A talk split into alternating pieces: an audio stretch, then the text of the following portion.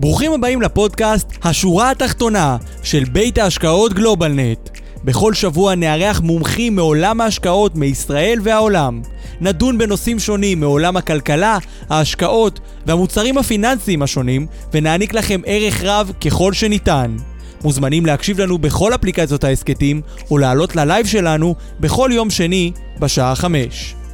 כדי ליהנות מתכנים, ידע וערך בנושא השקעות ותכנון פיננסי, אתם מוזמנים לבקר באתר האינטרנט שלנו בכתובת globalnetin.com, בעמוד הפייסבוק שלנו GlobalNet Investment House ובערוץ היוטיוב של GlobalNet.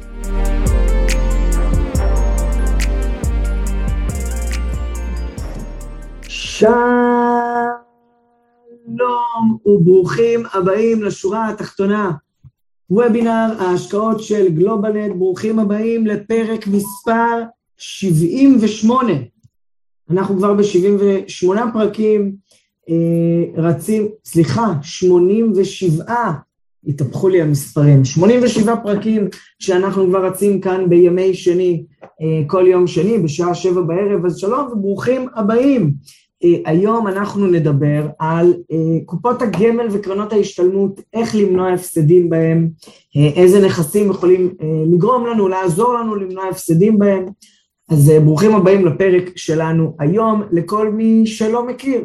אני אורן דוברי מבית ההשקעות גלובלנט, ואתם נמצאים בוובינר live בכל יום שני בשבע. הסיבה שאני חוזר על זה, כי חלק שומעים את ההקלטות. אז אתם תמיד מוזמנים לעלות אה, ב live, אה, כי בלייב אנחנו מזמינים אתכם, יש למטה צ'אט ו-Q&A להגיב, להעיר הערות, uh, לדבר איתנו, לשאול שאלות, כי פה זה שיח פתוח. רגע לפני שנתחיל, חשוב לי להדגיש ולציין כי אין לראות בוובינר, בתוכן השיחה, כתחליף לייעוץ או שיווק פנסיוני או שיווק השקעות שמותאם לצרכי לצרכים שלכם, לצרכי הלקוח, או ייעוץ מס, אה, או בכלל המלצה בנוגע לכדאיות השקעה במוצר פנסיוני פיננסי כזה או אחר, הוובינר הזה הוא לא, אה, ואי אפשר לראות בו הזמנה לביצוע פעולה. מה שכן, הוובינר הזה הוא לידיעה בלבד, ואינו מהווה תחליף לייעוץ המתחשב בנתונים ובצרכים של כל אחד ואחד מכם.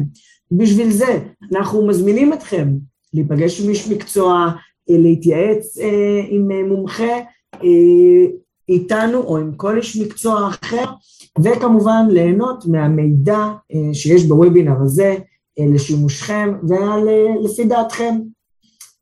אז ברוכים הבאים כולם, אני רואה פה הרבה מאוד שמות חדשים וגם שמות ותיקים, אז איתן סנדיק, אני כבר רואה אותך מרים יד, אני לא יודע אם יש לך כבר שאלה, אבל טוב לראות אותך.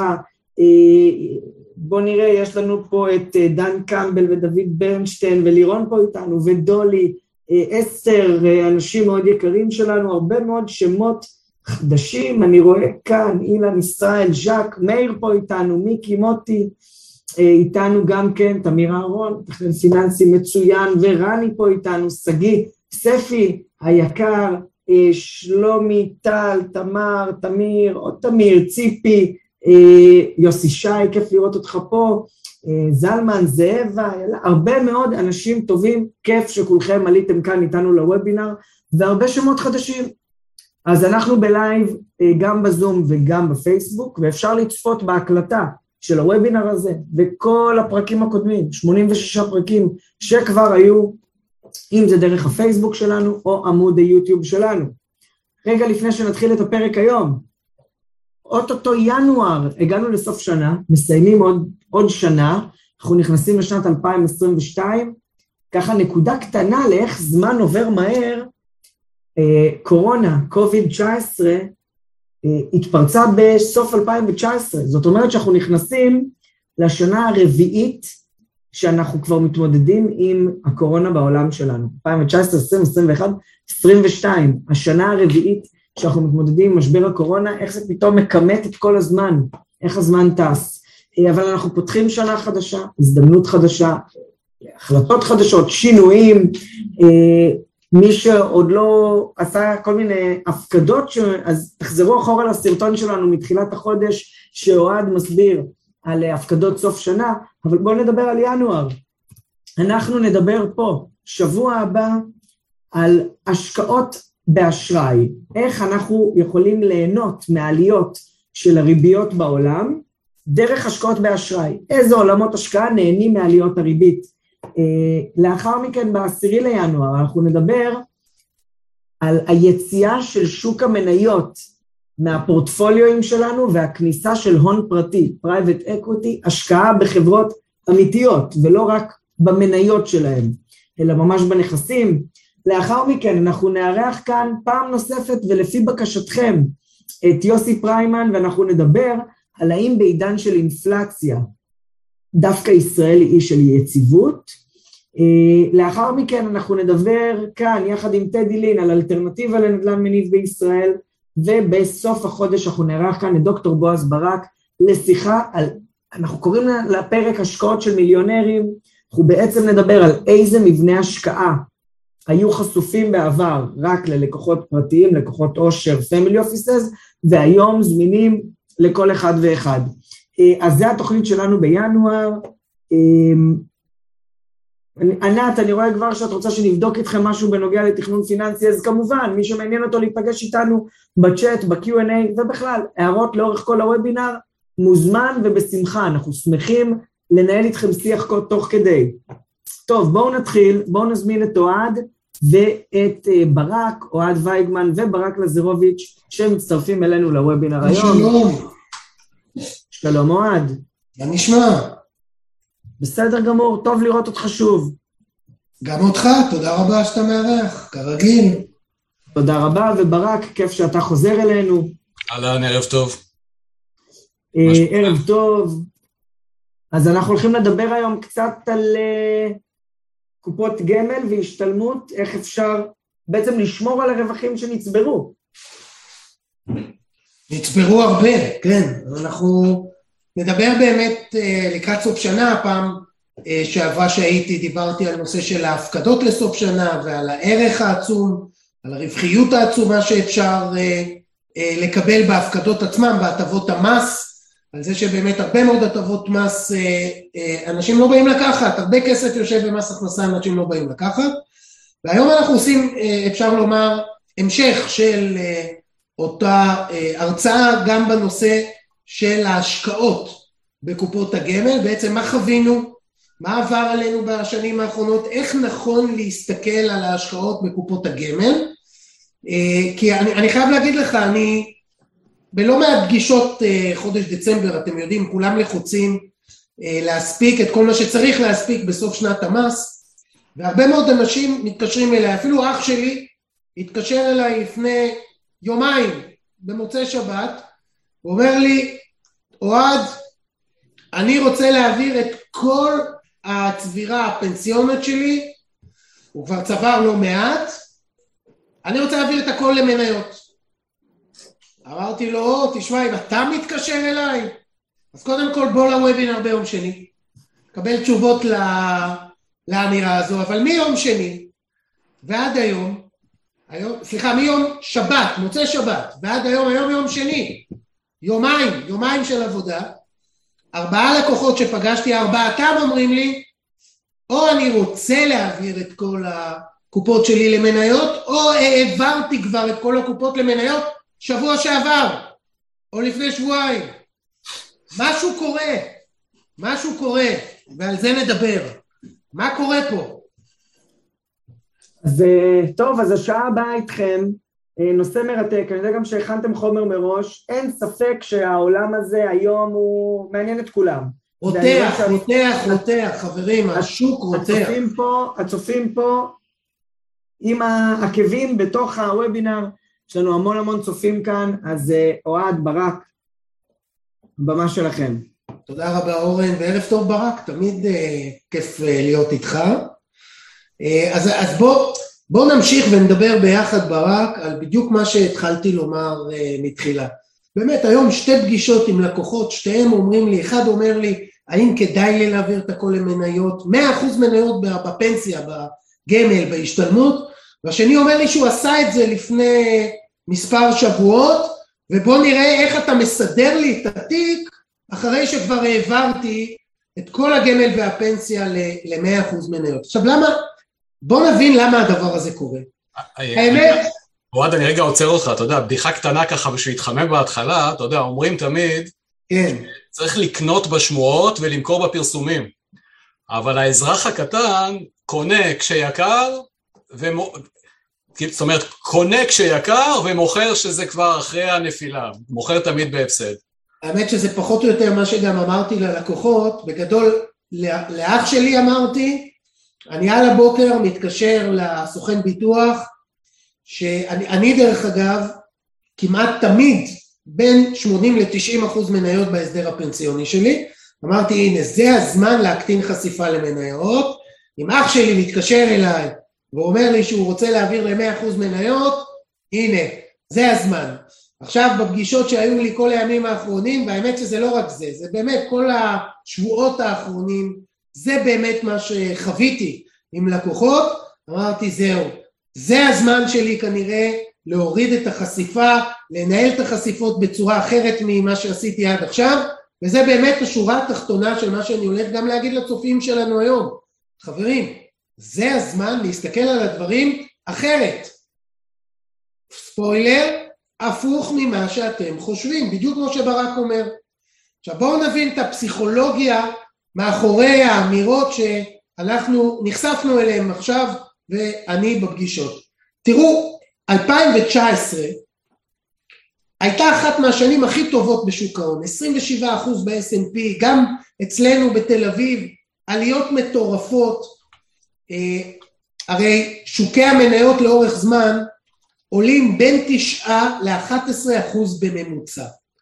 אז מה הפלא, אחרי שלוש שנים של תשואה, שימו לב S&P, 27 אחוז 2019, 16 אחוז 20, 26 אחוז 21. ככה תעשו מהר את החישוב, מה מרגיש עכשיו בן אדם שלא השקיע כמעט במניות או השקיע מעט מאוד במניות ב-19, 20, 21. מה הפסיכולוגיה שעומדת מאחורי כל הפרסומים שהוא רואה 27, 16, 26, יכולת להרוויח, תראה כמה אתה הרווחת. בוער בי עכשיו כמה יכולתי להרוויח ולא הרווחתי. אבל האמת היא שהסיפור הוא בדיוק הפוך. הפוך. אם הרווחתי כל כך הרבה, בואו נראה את זה בקופות ה... בקרנות ההשתלמות שלכם. עד עכשיו הראיתי את מדדי השוק. בואו תראו מה קורה בקרנות ההשתלמות. הנה לקחתי רק את הקרנות הכלליות. למה כלליות?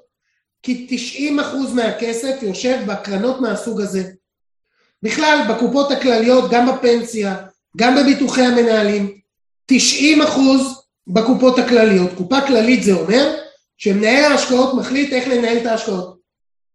כרגע הממוצע של הקופות האלה כפי שאתם רואים הוא באזור 40% מניות, גם גבוה מאוד היסטורית.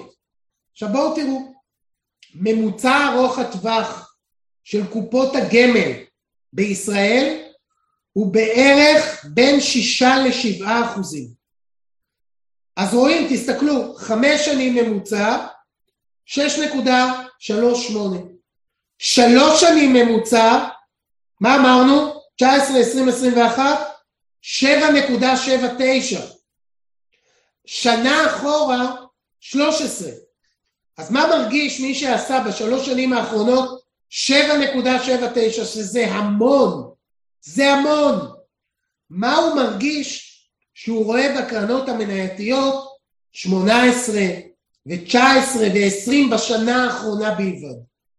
עכשיו שימו לב, מה המשמעות היא שבשנה האחרונה עשינו 13% בקופות הכלליות, בעוד שהממוצע ארוך הטווח הוא בין 6 ל-7. אם יש לי פי 2, פי 2 מהממוצע בשנה האחרונה, מה הסיכוי שבשנה הקרובה, כלומר ב-2022, נעשה שוב פי שתיים מהממוצע ארוך הטווח. תשאלו את עצמכם אם סטטיסטית הדבר הזה הוא, אני לא אגיד אפשרי כי הכל אפשרי זה ברור, מה הסבירות שזה יקרה? הסבירות היא לא קבועה. עכשיו בואו נלך כמובן למניות, לאיפה שכולם כרגע רוצים ללכת, כי הפסידו שלוש שנים מאוד מאוד מאוד משמעותיות. ממוצע ארוך הטווח, אמרנו בין 10 ל-11 אחוז אצלנו במדינת ישראל. רואים את זה, אפילו בחמש שנים אחורה, תסתכלו, זה נתונים מהיום בבוקר, 10.77. בשלוש שנים, כמובן שרואים הרבה יותר טוב, כי ראינו מה קרה בשוק המניות. דרך אגב, מרבית קרנות ההשתלמות פספסו את עיקר העליות שראיתם בשקף הראשון. למה? כי עיקר העליות, רגע, אני אחזור לשקף. היו בחו"ל, היו ב-S&P 500, היו בעיקר בארצות הברית, באירופה, פחות בישראל. תראו, בישראל אמנם 19 הייתה טובה, וגם 21 הייתה מצוינת, אבל 20 הייתה שלילית. כך שבממוצע אנחנו כן רואים קצת מעל הממוצע ארוך הטווח, בעוד שבחו"ל המדדים טסו הרבה הרבה יותר גבוה. וידוע שלפחות בשנים האחרונות, למרות שהייתה הגדלה מאוד משמעותית לחו"ל, רוב הקרנות לפני שלוש שנים לא היו בחו"ל. 2020 היו בין 20 ל-50 אחוז בחו"ל.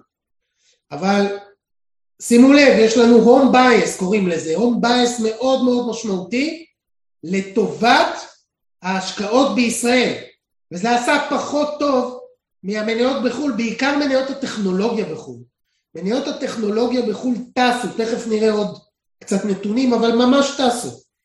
אז אם אנחנו רואים בשנה האחרונה בממוצע 23 אחוז, זה ממוצע, שימו לב מה קורה לקופות המובילות, 31 בשנה האחרונה, 27 בשנה האחרונה, 27 עוד פעם, 26, שימו לב איזה תשואות מטורפות בשנה האחרונה. אז פלא ברק שכולם אומרים לי שהם רוצים לעבור למניות?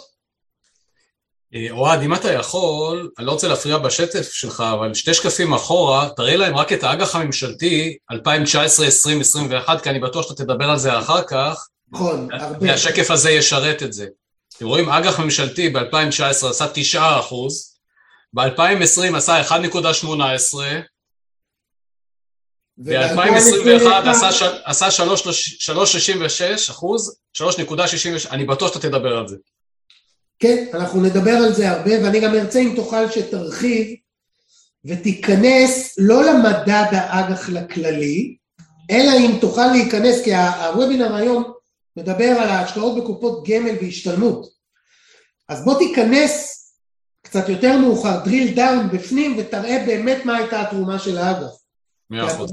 התרומה של המניות הייתה שונה לחלוטין מהתרומה של האג"ח, ובאמת יש לנו בעיה אמיתית, בעיה אמיתית באג"ח, אפילו הרבה יותר מהמניות. הבעיה האמיתית היא בעיקר באג"ח. אחלה. רק uh, למישהו לא משווק השקעות ושומע אותנו, אז ממש ממש בגדול, זה כמו נדנדה. שוק הון עולה, האג"ח צריך לרדת. שוק הון יורד, האג"ח צריך לעלות. בפועל אתם מבינים שזה לא מה שהיה, ובטח שלא מה שיהיה. אבל אני ארחיב על זה אחר כך. נראה גם את זה, אבל זה מה שאמור היה להיות לא באמת קורה, ו, ולזה צריך להתכונן, בעיקר להתכונן. אז לגבי העברה של קופות הגמל וההשתלמות עכשיו ל-100% מניות, התשובה שלי היא אחד, תלוי מה מידת החשיפה הכוללת של הלקוח בכל תיק הנכסים שלו, ב', תלוי מה החשיפה המנייתית שלו בניהול תיקים, בפוליסות חיסכון, בכל מיני מכשירים שאין בהם פטור על מס רווחי הון. כלומר, אם משקיע אליי ואומר לי, תקשיב, יש לי המון מניות בבנק, בתיק שלי בבנק, בניהול תיקים, בתיק אצל היועץ, בפוליסת החיסכון, ואני רוצה להוריד שם את החשיפה המנייתית כדי להעלות את החשיפה המנייתית בגמל ובהשתלמות, וזה בגלל שבגמל ובהשתלמות יש פטור על מס רווחי הון, והוא רוצה להרוויח את הפטור על מס רווחי הון בצורה המקסימלית, ולכן הוא רוצה להקטין את המניות בחלק אחד של התיק ולהגדיל את המניות בקופות הגמל וההשתלמות, לזה אני אומר רעיון מצוין. אני אפילו ממליץ על כך. אבל אם המשמעות של להגדיל את החשיפה בקרנות ההשתלמות והפנסיה ולא להקטין אותה בתיקים, כלומר להגדיל את סך החשיפה של התיק למניות, אז ברוב המקרים אני אגיד, תמתינו, לא כדאי. אחרי ששוק המניות טס שלוש שנים בשערים כל כך כל כך מנותקים מהמציאות של החברות עצמם, מהרווח, מציאות זה אומר מהרווח שהחברות עצמן מגלמות, אז אני אומר למרות שזה עוד יכול להמשיך ולעלות, אין לי מושג עד מתי, כרגע אני קונה את התיק מאוד מאוד מאוד יקר. אז אני גם לא אומר לכם לכו ותברחו מהשוק, כי להשקיע במניות לאורך זמן זה חשוב. השאלה מה שיעור ההחזקה המנייתית מסך התיק. וכשאני מתכוון לסך התיק, אני מתכוון גם לתיק בבנק, גם לניהול תיקים, גם לפוליסות החיסכון, גם לפנסיה, גם לקופת גמל להשקעה, גם הנדל"ן. מי מכם משקיע בנדל"ן? צריך לקחת את זה בחשבון. וגם השקעות אלטרנטיביות. צריך לקחת את הכל בחשבון כשמקבלים החלטה להפחית מניות או להגביר מניות. אבל לא ככה. לא להסתכל על ה-23% המדהימים שהמניות עשו, להרגיש שפספסתי משהו, ועכשיו בגלל הרגשת הפספוס, אותה הרגשה פסיכולוגית שגורמת לי לקבל החלטות שגויות בדרך כלל, לרוץ ולהגדיל את החשיפה המנייתת. אז אני אומר, זה יכול להיות החלטה מצוינת, תלוי למי ובעיקר מתי. אז זה לגבי החלק הזה. ומה שאמרתי מקודם, מעולם לא ראינו את הפער בין מחירי המניות בשוק לבין הרווחיות של אותן חברות ציבוריות שהמניות שלהן נסחרות בשוק ההון. כלומר מצד אחד ראינו ירידה מאוד משמעותית של הרווחיות, גם ראינו עלייה ברווחיות אבל עדיין אנחנו רחוקים ממידת הרווחיות שהייתה לפני הקורונה ואף אחד לא יודע מתי באמת זה חוזר. בעוד שהמחיר בשוק ההון טס, ראינו, ראיתם כמה הוא טס, במנותק ממצב החברות עצמן. ולכן כל מה שאני מנסה לומר זה שרמת הסיכון עלתה. וצריך לקחת את זה בחשבון. במיוחד כשרוצים להגדיל חשיפות, רמת הסיכון עלתה. אז אני כן מאמין בהשקעה במניות לאורך זמן. השאלה כמה. כל אחד מכם, 158 הצופים שקיימים איתנו כרגע, לכל אחד מכם צריך להתאים את החשיפה בהתאם ליכולת למשפחה לשאת סיכון, לטווח ההשקעה, לשנאת הסיכון, ותכף נדבר על שנאת הסיכון. כרגע, בתקופות האלה, אנחנו רואים שאין שנאת סיכון, היא נעלמת, ובמקומה מופיע מונח אחר שנקרא גריד. תזכרו את המונח הזה, אנחנו עוד נחזור אליו. או להלן בעברית, תאוות הרווח. תאוות הבצע אפילו.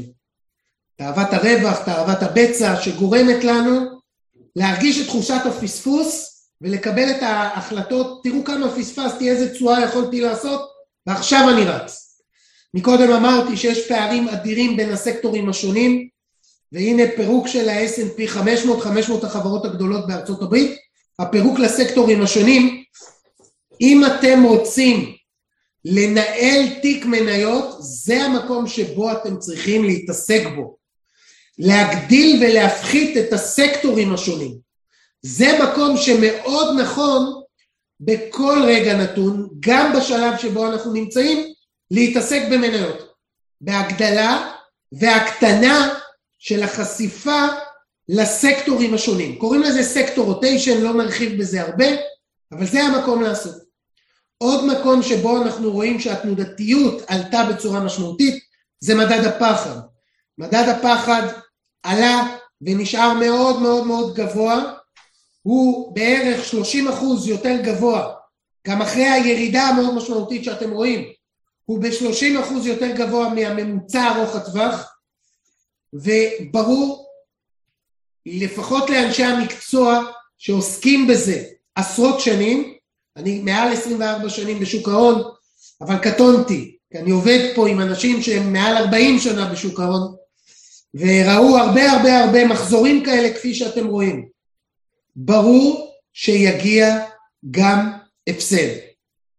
עכשיו אני חייב להגיד לכם, זה משפט שהוא כביכול ברור מאליו, אבל כשיושבים אצלי משקיעים ואני מראה להם ואני אומר להם לאותם אלה שרוצים להגדיל את החשיפה למניות, אני שואל האם ברור לך שיגיע הפסד? אז הוא קצת מתבלבל, הוא לא יודע איך לעלות, הוא רואה שלוש שנים של עליות משמעותיות, למה שיהיה הפסד? זה דומה לשיחות שאני מנהל גם בנושא של נדל"ן בישראל. האם ברור לכם שיהיה הפסד גם בנדל"ן מתישהו? למרות שעכשיו זה נראה פנטסטי ואנחנו מאוד בעד ונדבר על זה שאנחנו בעד, אבל ברור לכם שמתישהו יהיה הפסד בנדל"ן?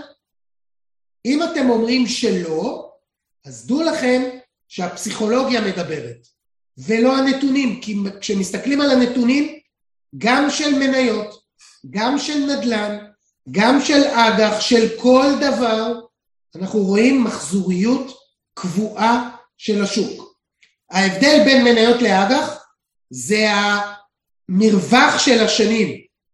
כלומר, אם כל עשור בממוצע, ממוצע, שוק המניות מתרסק, אבל לא יורד, מתרסק, אז נדל"ן זה יהיה במחזוריות של 20 שנה או יותר, מאוד מאוד, ולכן בנדל"ן תמיד נראה שלעולם השוק לא יורד, כי המחזוריות פה היא יותר ארוכה, אבל תמיד תמיד יש מחזוריות, וברור שיגיע הפסד. כמה הפסד? 30 אחוז, 40 אחוז, 50 אחוז, ראינו הכל. תסתכלו פה, אתם רואים? 50 אחוז, 40 אחוז, 40 אחוז, 25 אחוז, תסתכלו פה, אפילו 1933, 82 אחוז, גם זה היה. ומי שמכם חושב שזה לא יחזור, צר לי לאכזב אתכם. זה בוודאות, בוודאות יחזור. רק אני לא יודע כמה. הבעיה שלנו זה הזיכרון. אנחנו מאבדים את הזיכרון. הנה קופות הגמל, כל קופות הגמל אה, לתגמולים, תסתכלו לאורך השנים. 2008, זוכרים שהיה מינוס 17? כולם זוכרים. אבל מי מכם זוכר שב-2011 היה כמעט מינוס 3? ומי מכם זוכר שב-2018 היה מינוס אחוז? כנראה רוב הציבור, בטח ובטח בשורות פחות טובות, נוטה לשכוח. וזה חשוב מאוד להזכיר. כי כשקורה ההתממשות הברורה מאליה, אז בכל הנכסים הלא שכירים, כמו פנסיה, השתלמות, הציבור יתבגר. אבל תראו מה קורה בקרנות נאמנות, כלומר בכל הנכסים הנזילים, אם זה קרנות הנאמנות, אם זה כסף בבנק, אם זה כסף בניהול תיקים, שימו לב מה קורה, זה ממרץ 2020.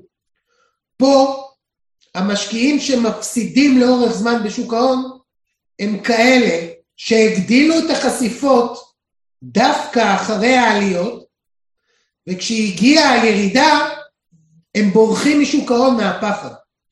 אז הם נכנסים בגבוה ויוצאים בנמוך.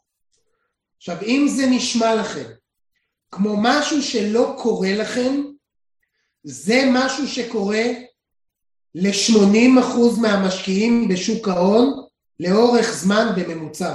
חברים, זה, אלה הנתונים. 80% מהמשקיעים מפסידים בשוק ההון, כי הם נכנסים אחרי שהם רואים שהיו עליות ועוד עליות ועוד עליות והם מרגישים פספוס, והם יוצאים כשכבר נראה שלעולם השוק לא יחזור לעלות יותר. אז יש לנו מגליד לדיפרשן, ככה זה נראה. אבל ככה זה נראה בכל המחקרים שמודדים את הפסיכולוגיה של שוק ההון, וככה זה תמיד ימשיך להיראות, אלא אם כן תפנימו ותחליטו שלכם זה לא יקרה. וכדי שלכם זה לא יקרה, אתם לא מגדילים חשיפה בשלב הגריד או ה delusion. delusion זה נראה שלעולם זה לא יכול לרדת. וכשזה מתחיל לרדת, מתחיל שלב ה-denial. זה אומר שזה כנראה מיד יעלה. הכחשה. ואז באמת זה קצת עולה, ואז זה מתחיל לקרוס. ואז מתחיל שלב ה fear, אבל אני לא יודע, זה באמת או לא. ואז מגיעים למה שאתם רואים, דיספר. מה קורה בדיספר? כולם מוכרים, לא כולם, 80 אחוז. ואלה מה, מה, מאיפה שנזיל. ולכן הבעיה היא ההשקעות הנזילות. לא ההשקעות הלא נזילות, אנחנו רואים את זה פחות בפנסיה. רואים את זה פחות בגמל, בגמל קצת יותר, אבל בפנסיה רואים פחות. בהשקעות אלטרנטיביות רואים פחות, כי זה לא נזיל. אבל איפה שנזיל, זה חוזר על עצמו כל הזמן, כל הזמן, מחדש. תכף, תכף נדבר על לאן להעביר, להעביר מהאפיק המנייתי לגבי שאלות. עכשיו, אני רוצה לשתף אתכם זה ה story של ציבור המשקיעים בישראל. רשות ניירות ערך עשתה סקר ממש ב-2021. מסתבר שאתם אמרתם שאתם סולידיים. 67 אחוז מכם הגדירו שהם רוצים להשקיע במכשירים סולידיים. עכשיו, אותם 67 אחוז שמגדירים את עצמם כסולידיים, מה שקורה להם זה שבשלב הגריד הם מנתקים את עצמם מההגדרה הבסיסית ויוצאים לרמת סיכון שלא מתאימה להם. ואז כשקורה המימוש הם נזכרים שהם הגדירו את עצמם בסקר כסולידיים, סליחה, תראו, רוב המשקיעים מגדירים את עצמם כסולידיים, אבל הם שוכחים את זה כשהם רואים את התשואות המאוד מאוד גבוהות ולוקחים סיכונים שלא מתאימים להם. והם נזכרים כשזה יורד. דרך אגב, עוד קוריוז, חשוב שתראו, נשים מגדירות את עצמם כהרבה יותר סולידיות מהגברים. זה שימו לב. שימו לב גם כמה מגדירים את עצמם כהרפתקנים. הרפתקנים זה כאלה שעוברים להרבה מניות. 15 אחוז בלבד. שימו לב כמה מגדירים את עצמם כהרפתקנים, מעט מאוד. ובכל זאת הם עושים פעולות שלא מתאימות להגדרה שלהם את עצמם. אז זה ככה, זה מ-2021, זה מלפני חודש פחות או יותר. תראו עדיין אנשים עוברים למניות, קונים המון המון המון מניות אבל מגדירים את עצמם כסולידי. תראו את הפער. אבל החלק הסולידי בכל זאת לא מתפקד בתיקים. בעצם כל המחקרים זה מהיום בבוקר. חברים, זה מהיום בבוקר. המדד העולמי הגלובלי, שכולל אג"ח ממשלתיות וקונצרט, אני מדבר ברמה גלובלית, ישראל היא ממש אי קטן בעולם, אבל בואו תיפתחו, תראו מה קורה בעולם. מדד האג"ח נפל מתחילת השנה ב-4.8 בישראל לא רואים את זה ככה. ברק, אתה רוצה אולי להראות לנו מה רואים בישראל? מה התרומה של האג"ח בתיקים? אני אראה את זה, אני מבטיח שאני אראה את זה, חבל פשוט על הרצף, אבל uh, אתם מבינים שלא כצעקתה, כלומר התמונה היא תמונה עולמית, הפוטנציאל באג"ח הוא כל כך קטן שהוא יותר מפסיד מאשר מרוויח, והתמונה שכולנו רואים בתיקים זה לכאורה תשואה טובה, היא ברובה נגזרת על המניות, האג"ח מוריד את זה למטה, 40 אחוז מניות. פתח סוגריים בשוק הון עולה, וכששוק ההון ירד, גם האג"ח ירד, אני אדבר על זה בהרחבה, אבל הנה, זה... ראינו, זה האג"ח הממשלתיות והקונצרניות בעולם, המדד העולמי של האג"ח. ממש ככה. ירד 4.8% מתחילת השנה, בדרך לשנה הגרועה ביותר מ-99, באג"ח. למה הדבר הזה קורה? הדבר הזה קורה בגלל ירידת הריבית ובגלל עליית התנודתיות באג"ח. עכשיו, הרבה מאוד אנשים לא שמים לב, כי זה תיק משולב, מניות ואג"ח, והם לא שמים לב שבשנים האחרונות המתאם בין מניות לאג"ח הוא כמעט אחד. מאוד מאוד זוהר, רואים את זה פה בעיגול האדום. שימו לב שמה זה אומר? זה אומר מצד אחד הפוטנציאל הוא במניות, למרות שהן מאוד מאוד גבוהות, למרות כל מה שאמרנו, תמיד הפוטנציאל להשקעה לטווח ארוך הוא במניות, ולכן המשקיע מוכן לספוג תנודתיות במניות, הוא מודע לתנודתיות במניות, אבל האג"ח התרומה שלו היא מאוד מאוד סולידית ונמוכה לאורך זמן. אז למה אני מוכן לסבול את התנודתיות, את אותה תנודתיות גם באג"ח? אז האמת היא שרוב המשקיעים לא, וראינו את זה עלייה בפקדונות ובעו"ש, בבנקים, ראינו את זה. עכשיו דרך אגב שימו לב, זאת איגרת חוב שירדה ב-17 אחוז בשבוע אחד במרץ 2020, שבוע אחד.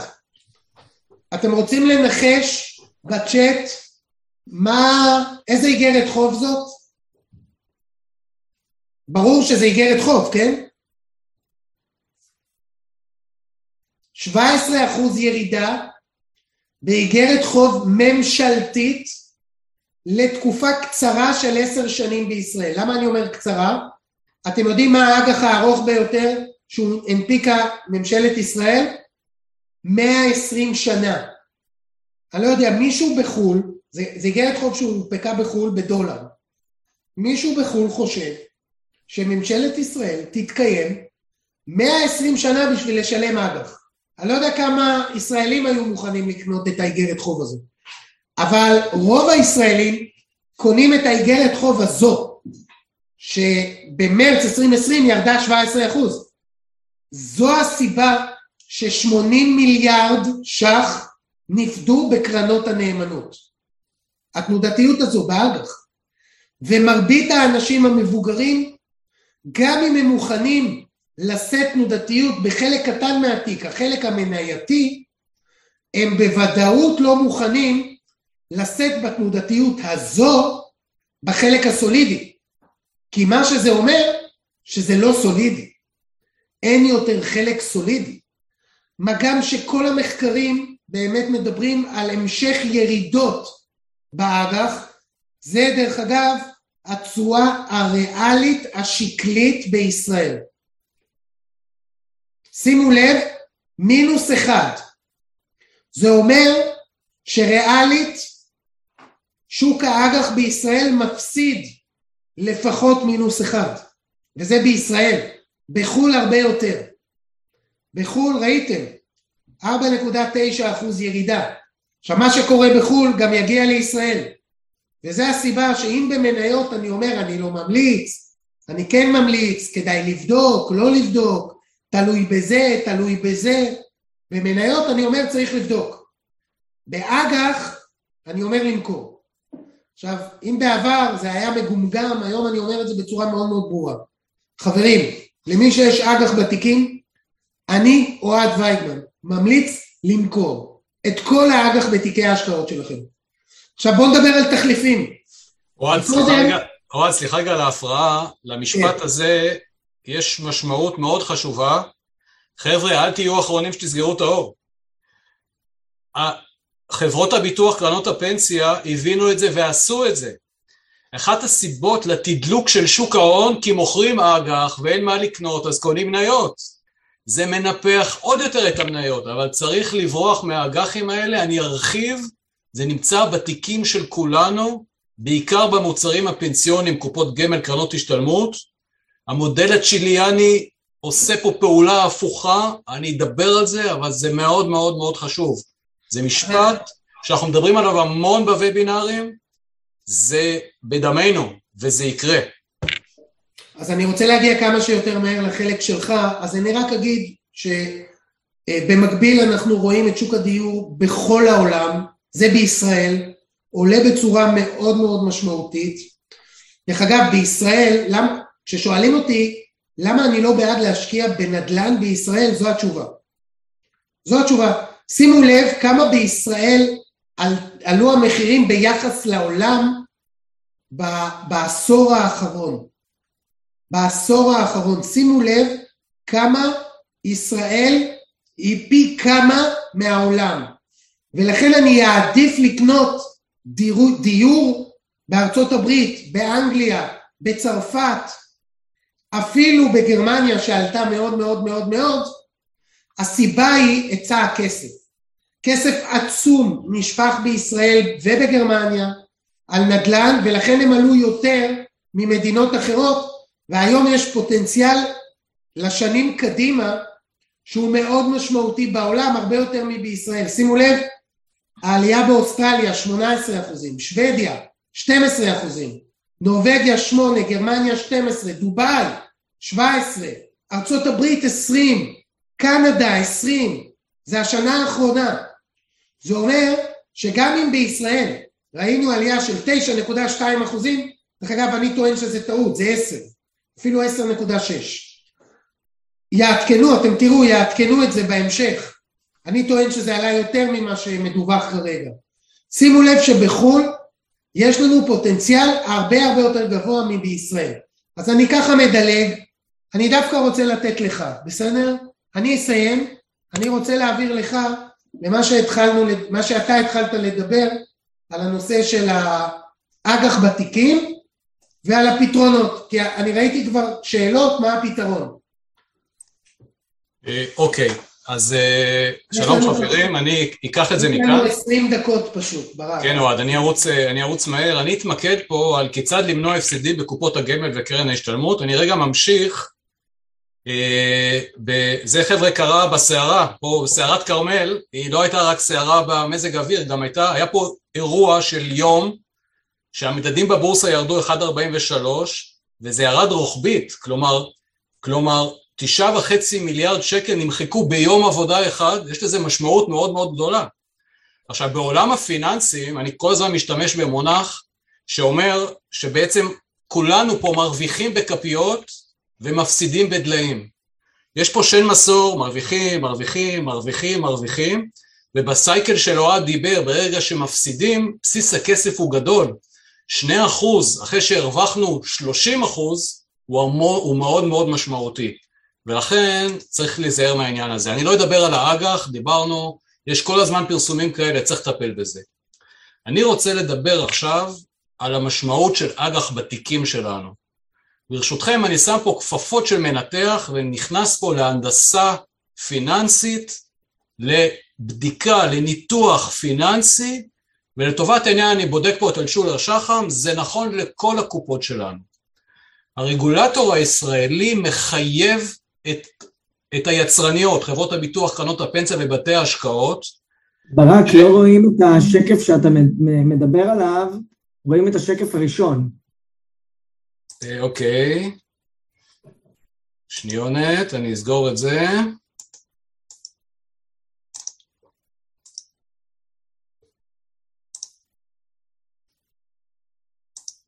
הבנתי מה קרה. תגידו לי רק שאתם רואים את זה עכשיו. עכשיו רואים, אה, אורן? כן, כן, כן, כן. אוקיי, אז אני בעצם רוצה עכשיו לבוא ולבדוק מה המשמעות של אגרות חוב בתיקים שלנו, ברקע רגולטורית המפקח אה, על חברות הביטוח וקרנות הפנסיה מחייב את היצרניות השונות לדווח את זה באתרים, הם רק יודעים להחביא את זה טוב טוב, ולכן לטובת הדוגמה לקחתי כאן את אלשולר שחם, נכנסתי לדוח שנקרא, שנקרא מרכיבי תשואה, או תרומת מרכיבי התשואה. לחצתי על דוח רבעון שלוש, רגע, נהיה במצגת, לחצתי על דוח רבעון שלוש, אוהד רואים את המצגת? אורן?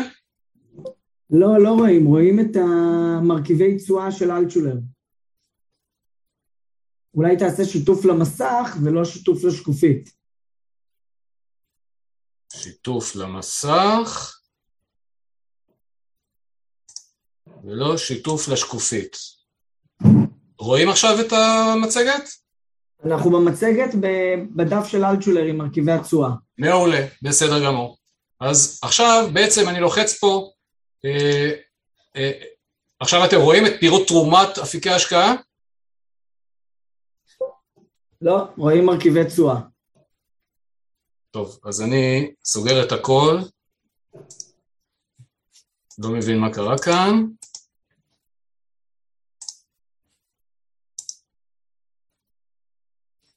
ונכנס מההתחלה.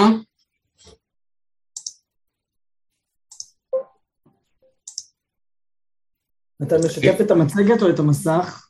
אני עכשיו את המצגת. אוקיי, עכשיו אנחנו רואים, אנחנו רואים תשואות. מעולה. אז בעצם נכנסתי פה לאלשולר שחם, ואני בעצם רואה את הדבר הבא, אני רואה שינואר-ספטמבר 21, הקופה הרלוונטית הזאתי עשתה תשואה של 6.26 אחוז. מרקרתי את האג"חים, את המזומנים שבעצם לא מייצרים שום דבר, אג"ח ממשלת, ממשלת ישראל, שהיא במקרה הזה 42 אחוז בקופה הספציפית הזאתי, אני רואה ש-50 אחוז מהקרן, מהקופה, עשתה תשואה של 0.95 לפני דמי ניהול ולפני ניכוי אינפלציוני, כלומר הקופה הספציפית הזאת הפסידה ריאלית 1.85. הלאה. מיטב דש גמל 50 עד 60. אורן, רק תגיד לי שכולם רואים. לא, לא רואים, אנחנו נשארנו בשקף הקודם. טוב, אז פה אני לא מבין מה קורה, אני אסגור את שניהם, את שני ה... אתה עובד עם שתי מסכים ברק? אני עובד עם שני מסכים, כן. אז אני אסגור את שני המסכים.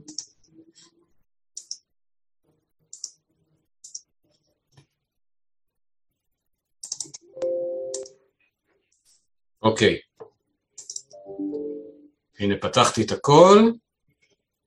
עכשיו נראה, עכשיו נראה את זה.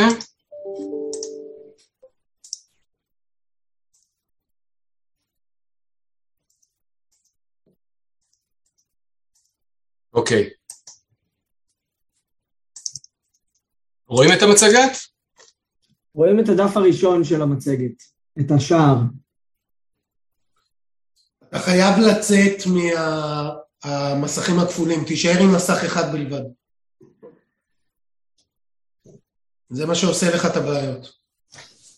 תראה. שנייה.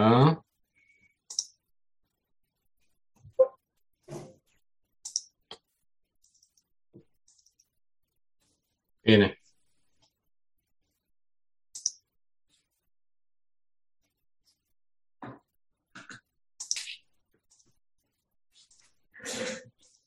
טוב, רואים? רואים את תרומות אפיקי השקעה לתשואה הכוללת. מעולה. אוקיי, אז אני חוזר על מה שהראיתי כאן, אני הכרתי פה את האג"חים, ראינו שבקרן הזאתי 50% מהכסף מייצרים תשואה של 0.95, בניכוי דמי ניהול, בניכוי אינפלציוני, אנחנו פה מפסידים כסף. בואו ניקח דוגמה אחרת, מיטב דש גמל 50 עד 60. תגידו לי רק שאתם רואים את השקף הזה? כן, כן. יפה. אותו דבר, אני מדבר פה על אה, אה, התרומה לתשואה, ינואר עד יוני, אותו סיפור. סימנתי פה את כל האג"חים, אני רואה שבקופה הזאת 41% אג"חים מייצרים תשואה של 0.34, אוקיי? אני, סליחה, אני מראה פה התרומה תשואה ינואר-ספטמבר, 41% מהתיק מייתר תשואה שלילית. דוגמה נוספת, ניקח פה מיטב דש, מסלול כללי, ינואר-ספטמבר, תשואה נהדרת, 10.5 אחוז, אבל ה-10.5 אחוז האלה בנויים מ-35 אחוז שמייצרים 1.21, כלומר גם בתיקים הסולידיים אנחנו רואים פה מרכיב אג"חי מאוד גדול שמושך כלפי מטה.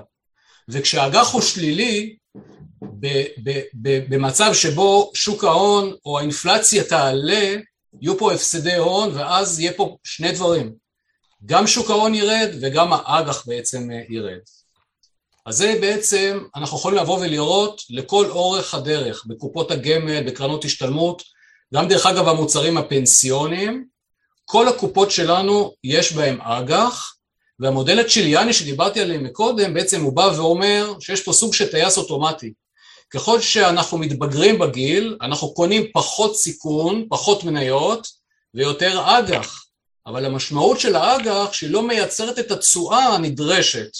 ולכן יש פה בעצם תנועת מלקחיים שבמצב ששוק ההון הוא טוב, שוק ההון המניות מייצרות תשואה גבוהה, האג"ח מוריד טיפה, ששוק ההון ייפול, במקום שהאג"ח יפצה, האג"ח גם כן יוריד למטה. וזו המחזוריות שאנחנו דיברנו עליה ואנחנו חוששים ממנה, כי זה יפגע בצורה משמעותית אה, בתיקים. רוב המשווקים הפנסיונים, סוכני הביטוח, בעצם מתעסקים בניודים. אנחנו בדרך כלל מנסים לבוא ולתת ללקוחות, להמליץ להם על חברות שיש שם ביצועים טובים. אנחנו רואים את זה בניודים הנכנסים והיוצאים. זאת אומרת, אנחנו רוצים גם תשואות טובות בקופות וגם קופות צומחות. אבל לא תמיד צריך להסתכל רק בקופות, אלא צריך לראות במבנה של הקופות, לראות מה הם מייצרים. כלומר, אני צריך לבחור קופה שתהיה גם טובה, גם צומחת, וגם שמרכיב האג"ח שלה גדול. איך אני עושה את זה? קודם כל, יש דבר שנקרא אה, אה, כספים בניהול אישי ב-IRA. הרעיון של IRA זה שאני אוכל לשמור על צבע הכסף, אני בעצם לא יכול לבוא ולהגיד אני רוצה את הכספים שמרכרתי כאן, להוציא החוצה ולקנות בזה אה, מוצרים לא שכירים, קרי אה, אלטרנטיביים. אני יכול לקחת את כל הקופה, להעביר אותה באמצעות IRA, לשמור על צבע הכסף, לשמור על הטבות המס, לעתים לפטור לחלוטין ממס רווחי הון, אנחנו יכולים לעשות את זה במוצרי קרנות ההשתלמות, שפה יש פטור מלא על מס רווחי הון, יכולים לעשות את זה בקופות הגמל הנזילות, בשנתונים הרלוונטיים שגם עליהם יש פטור אה, ממס רווחי הון, יכולים גם לעשות את זה ולהביא כסף חדש לתוך קופת גמל ולהוריד מס רווחי הון מ-25 ל-15. אחוז. אלה המוצרים שאני בעצם יכול להעביר אותם לקופות גמל בניהול אישי, קרן השתלמות היא ענף בקופות הגמל, ולקנות בהם 100% אלטרנטיבי.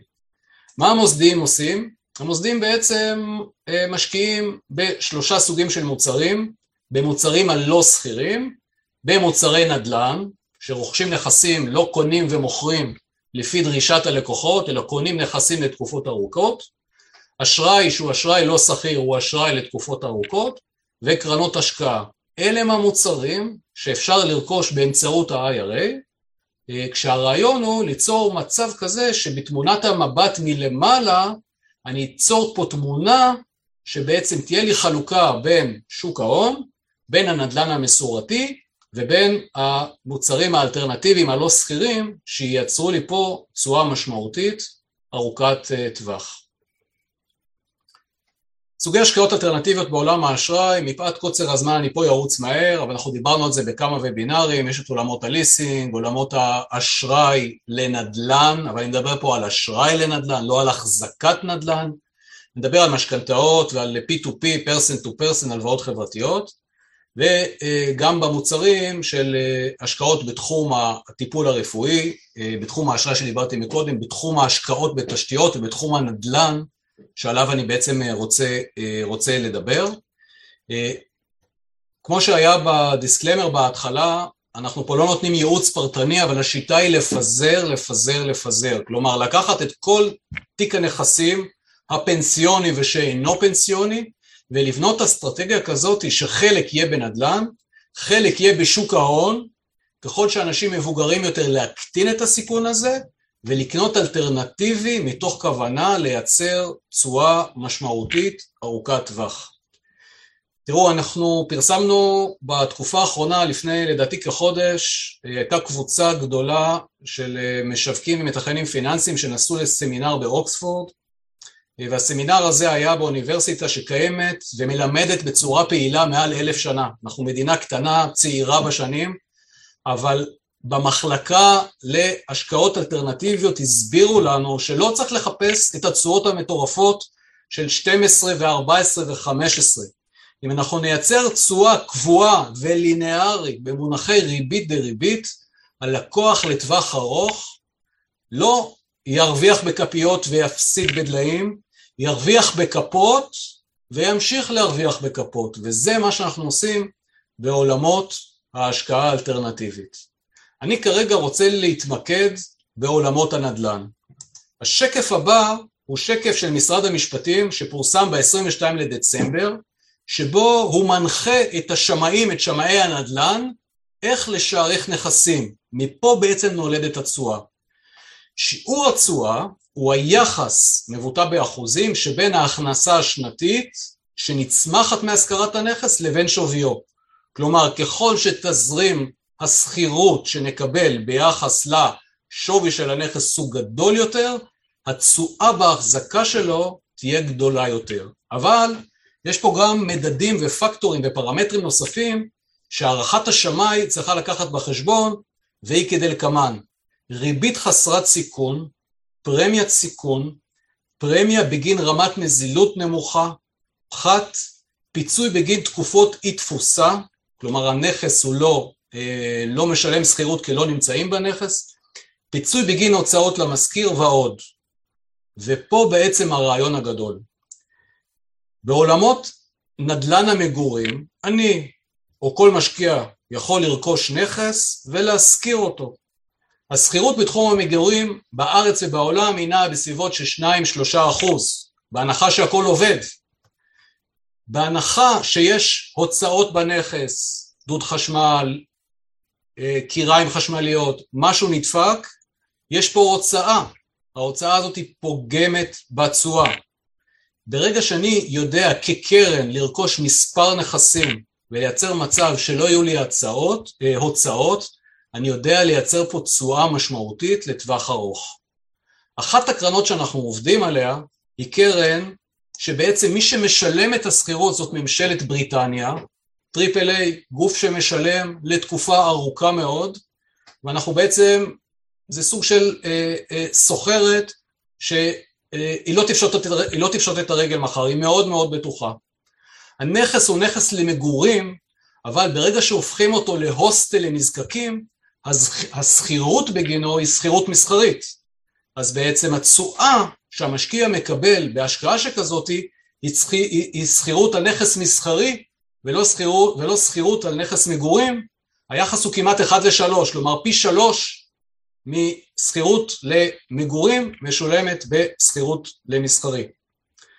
תוחזוקה שוטפת של הנכס באחריות הסוחר, כלומר כל פיצוצי הדוודים, כל הבעיות האינסטלציה, כל התקלות במושכר חלות על הסוחר ולכן הן לא פוגעות בתשואה, מה שמייצב את התשואה לתקופה ארוכה ועוזר לנו לעבור תקופות שבהן יש גם בעיות בתחום הנדל"ן המסורתי. ברגע שיש סוחרת בדמות ממשלה שמשלמת שכירות, אה, אה, אה, שכירות מסחרית לתקופה ארוכה והיא אחראית, מחויבת לטפל במושכר, לעשות את ההתאמות הנדרשות, היא זו בעצם שמקטינה את הסיכונים ומגדילה את התשואה למשקיע. תקופת השכירות של הקרן הספציפית הזאת היא בממוצע 22-20 שנה, כלומר יש לי פה התחייבות חוזית מול גורם מדינתי לתקופה מאוד מאוד ארוכה, מה שמגדיל את הערך השמאי של השמאות על הנכס. אמנם הראיתי כאן הנחיות של משרד המשפטים על השמאות בארץ, אבל אנחנו לא נמצאים פה בוואקום. גם באנגליה יש הנחיות של השמאים, של הרגולטור על השמאים, והוא גם בודק מהי היכולת הכלכלית של הסוחר ולאיזה תקופה הסוחר משכיר את המושכר. וכשמדובר פה במדינה עם הסכם שכירות ל-20 שנה, יש לנו פה אה, בטוחה לתשלום שכירות ארוך ומשמעותי. התוספת לכך שהסכמי השכירות הם גם צמודים, למדד המחירים לצרכן, שזה תשואה נטו למשקיע.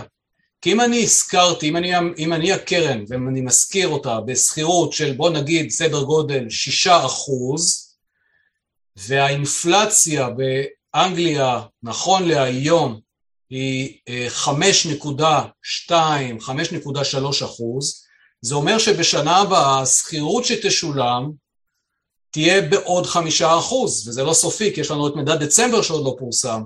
כלומר, יש פה בעצם, האינפלציה היא תשואה נטו למשקיע בנוסף להסכמי השכירות שקיימים כפי שנקבעו במועד רכישת הנכס והשכרתו לתקופה מאוד מאוד ארוכה.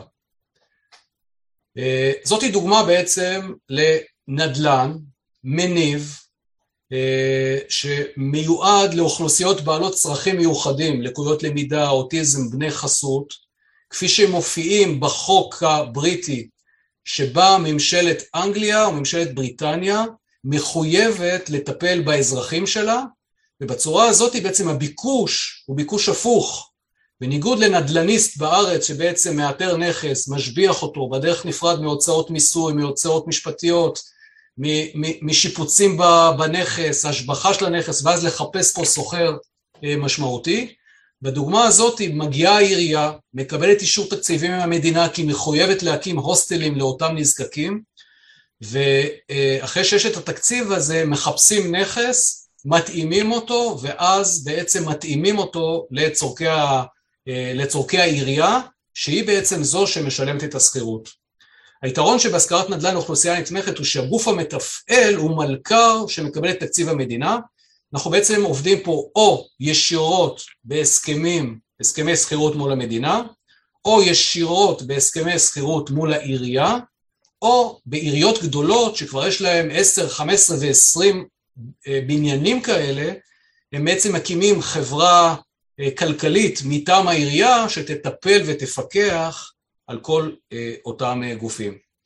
הקרן רוכשת נכסים רבים, זאת אומרת אלמנט הפיזור גם פה בנדל"ן הוא מאוד מאוד משמעותי, כי בעצם המשקיע לא קונה נכס ספציפי, הוא קונה שניים שלושה בניינים שבכל בניין יש עשר חמש עשרה דירות, כלומר הוא קונה יחד עם משקיעים נוספים סדר גודל של 30-40 דירות שהמשמעות שלהם היא בעצם פיזור הסיכון ושיפור אה, התשואה. לרגע ברק אני עוצר אותך, כי אני כן רוצה שתמשיך. אה, אני רק אומר לך, יש לא מעט שאלות, אז uh, עוד חמש דקות כזה נתפנה לענות קצת לשאלות. מצוין, אני בשקף ו... האחרון, ולא ראיתי... רגע, רגע, רגע, בינתיים אני מזמין את כולם לשאול שאלות, כי אנחנו נפנה זמן לשאלות, ומי שמעניין אותו להיפגש, לשמוע, לקבוע פגישה, אתם יכולים או לכתוב בצ'אט את מספר הטלפון או את האימייל, או כמובן לפנות אלינו.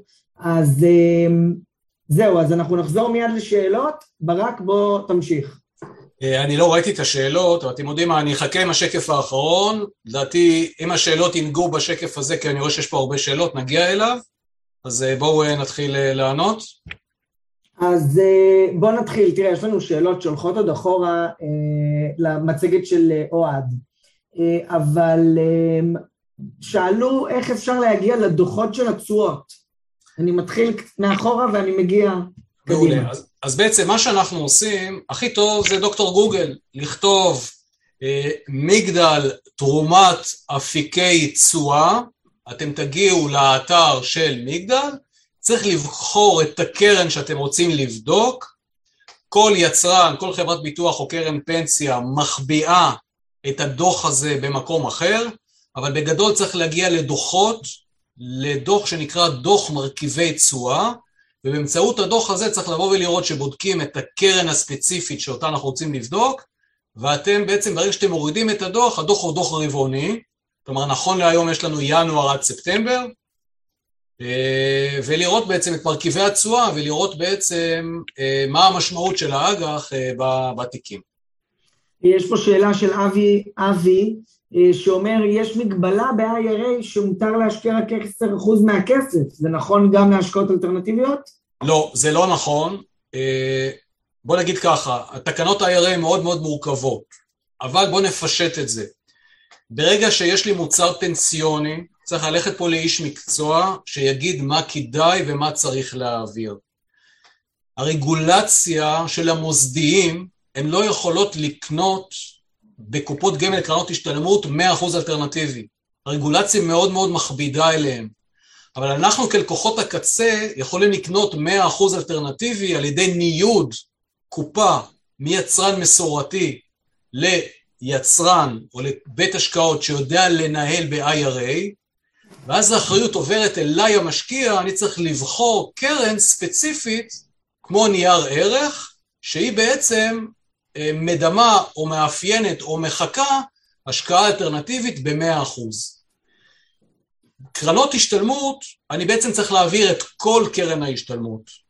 בקופות גמל אני יכול להעביר חלק מהכסף לתוך, ה, לתוך IRA, אבל פה אל תעשו בלי להתייעץ עם איש מקצוע, אה, יש פה בעצם אה, אה, הנדסה פיננסית, כירורגיה פיננסית, בחלק מהמקרים זה בלתי הפיך, ולכן צריך לדעת מה עושים, תבואו, תתייעצו, נעזור לכם. אז נראה שמתעקשים כאן, ואנחנו נפרט. מישהו כאן טוען שרק, אבי, טוען שרק שירים יכולים לקנות יותר מ-10%, זה לא נכון. התשובה היא לא נכון באופן ודאי. בעיקרון, לקוחות כשירים, יש כל מיני מוצרים אלטרנטיביים, אני לא יודע פשוט מאיפה אני... זאת אומרת, כנראה שהוא uh, נתקל באיזושהי שאלה ואני לא יודע מה גרם לשאלה הזאת, אבל יש מוצרים אלטרנטיביים שרק לקוחות כשירים יכולים לרכוש אותם. יש, אני, אני לא בא מלמעלה למטה, אני בא מלמטה למעלה. אני בא ואני אומר, הוובינר הזה מדבר על הסיכונים הקיימים בתיקים של כולנו במוצרים המוסדיים הקיימים. בכל הקופות של כולנו יש אג"חים שזה נגע שצריך להסיר אותו. כדי להסיר אותו, אני לא יכול לעשות את זה באמצעות הגופים המוסדיים הקיימים, אני חייב לנייד אותו ל-IRA, ואחרי שאני מנהל את הכסף ב-IRA, אני יכול לקנות 100% מהכסף מוצרים אלטרנטיביים. לא כל כסף אפשר לנייד, יש פה כל מיני התניות, ויכול להיות שמה שאותו שואל שאל זה נגזרת מאחת הבעיות, תבואו, תתייעצו, אבל יש לנו יכולת להכניס משקיעים שהם אינם כשירים, לרכוש 100% השקעות אלטרנטיביות מסוגים שמפאת הרגולציה אני לא יכול לפרט אותם כרגע, אני לא יכול לתת הצעה פרטנית, אבל במפורש אנחנו עושים את זה ביום-יום כל הזמן. אה, יש כאן אה, כמה ששואלים בנוגע אה, למטח פערי מטבע, ההשקעות הן בחוץ לארץ, ההכנסה היא בפאונדים, איך הקרנות האלה, הפתרונות השקעה האלה עובדים עם גידור? להלן התשובה. אנחנו צריכים להבין ש... שאני רוכש נייר ערך באמצעות IRA, כמו שאני קונה אג"ח חברת חשמל או קונה את טבע בימיה הטובים, אני קונה ב-IRA נייר ערך, שהנייר ערך הזה מבטא קרן נאמנות זרה שמשקיעה באותם פרטים. התשואות מדווחות לנייר הערך. הכסף מושקע בשקלים, מגודר לנכס הבסיס בפאונדים, ולכן התשואה היא תשואה בשקלים. חלק מעלויות דמי הניהול שהקופה גובה, היא גובה גם בעבור אה, גידור המטבע בין, ה, בין, ה, בין עלות או, או מטבע ההשקעה שהוא שקלים לנכס הבסיס שהוא פאונדים. ולכן אין פה בעצם פערים, אתם יכולים לישון בשקט, כי המטרה היא שתישנו בשקט. הפתרון כאן הוא לא מיועד לתת קונטרה לשוק ההון. הפתרון כאן הוא מיועד לתת תשואה ראויה ברמת סיכון מזערית כדי לייצר תשואה בטוחה שתחליף את האג"ח שאנחנו רואים שהוא לא נותן פתרון טוב. מעבר לזה שהתשואה כאן תהיה יותר טובה מהאג"ח, אנחנו בעצם רוצים לייצב את התיק כי שוק ההון הוא בסדר, והפסיכולוגיה... הנה, ואיתמר שושן כותב, גם בקופות גמל של 100% מניות יש 20-30% אג"ח, איך נפטרים מהם? אז זה בדיוק הנקודה, להעביר לנכסים לא שכירים. אה, תראו, מאחר ובוובינר אני רואה פה לפי השמות, יש פה אנשים שמבינים, אה, יש פה רגולציה, מי שפה יוצא נפסד זה המוסדיים, המוסדיים לא יכול להשתולל לעשות מה שהם רוצים. אבל כלקוח או כסוכן או כמשווק, הפתרון הוא ניהול בתיקים של 100% והפיזור מלמעלה צריך לרכוש 100% מניות ו-100% אלטרנטיבי כדי ליצור מצב שתמהילית התמונה תהיה תמונה נכונה ומאוזנת. לכן אני מבקש, אל תקבלו החלטה לבד, לכו לאיש מקצוע, יש פה המון המון אה, פרמטרים שצריך להתייחס אליהם, איזה כסף אפשר להעביר, מה המינונים של הכסף שאפשר להעביר, באיזה פלטפורמה אפשר להעביר, איך אני לא פוגע במיסוי, יש פה המון המון אה, דברים שה, שה, שבמידה ועושים אותם נכון, אפשר פה לייצר תשואה ראויה, משמעותית ולתקופה ארוכה, בהטבות מס מאוד מאוד משמעותיות. אני, אני רוצה לומר, יש לנו פה הרבה מאוד שאלות אה, לגבי אה, סכומי מינימום ודמי ניהול ותקופות השקעה ופדיונות, אה, אז הכי טוב זה ליצור איתנו קשר. אה, יש מן הסתם סכומי מינימום, שמתי פה עכשיו את המספר הטלפון ואת האימייל שלנו, אה, יש רגולציה בישראל, מה מותר ואסור להציע, לעשות את זה בדרך מסודרת, אה, ולכן אנחנו מזמינים אתכם אה, להתייעץ איתנו, להיפגש איתנו. אני ממש רואה שטף פה של שאלות, מישהו כאן שאל, היה פה שאלה מעניינת, הכל פה כבר קופץ. טוב, אז אני אמשיך, יש פה שאלות לגבי הקרן הספציפית, אז uh, אני לא אדבר על הקרן, זה uh, תבואו תשאלו, אבל הקרן, נכס הבסיס הוא בפאונדים, אנחנו קונים אותם בשקלים והכסף מגודר כך שאין פה פער מטבעי. ההשקעה המינימלית היא 450 אלף שקל, כי קונים פה נדל"ן, ולכן uh, בגלל הרגולציה בארץ אני בעצם אוסף אותם בקבוצות של, שלוש, של עד 35 אנשים, ולכן כל תת קרן כזאת צריכה לרכוש לפחות שני נכסים כדי שיהיה פה פיזור, לכל נכס כזה יש בו 10-15 דירות, כלומר אנחנו מדברים פה על סדר גודל 30 דירות שבעצם אה, צריכות אה, לעבוד. אה, השקעות בנדל"ן הן השקעות לתקופה ארוכה, כלומר השקעות כאן הן לתקופות של סדר גודל חמש שנים, כאשר בשנה הראשונה הכסף הוא לא נזיל, והחל מהשנה השנייה אפשר לפדות את הכסף, אבל יש פה דמי הנזלה, תתייעצו, תשאלו, אנחנו נלווה אתכם ונסביר לכם. על כך שבעצם נקודות יציאה יש החל מהחודש ה-13 במחיר מסוים, אנחנו כמובן נבוא ונסביר, אבל לא נכנסים לקרנות האלה לתקופות קצרות. הרעיון בלא שכיר זה שהפסיכולוגיה לא תתגבר על הרציו, על השכל. אנחנו מבינים שהתנהגות הצרכנים היא פסיכולוגית, הוא דיבר על זה המון בהתחלה, ולכן הרעיון או היתרון במוצרים לא שכירים זה שאי אפשר לממש כשכולם מממשים. והיתרון שבתשואה, שהיא תשואה בטוחה לתקופה ארוכה, אנחנו יכולים בעצם לייצר פה במונחי ריבית דריבית תשואה משמעותית בסיכון נמוך לתקופה מאוד מאוד אה, מאוד מאוד אה, ארוכה. טוב, ברק, זמננו נגמר, אני חושב שזה היה וובינר מרתק אה, וחשוב מאוד, בטח למי שצפה בכולו, מי שלא צפה בכולו, אתם יכולים כבר עכשיו להיכנס לפייסבוק שלנו ולצפות בהקלטה. ברק, המון תודה על הזמן שלך. בכיף.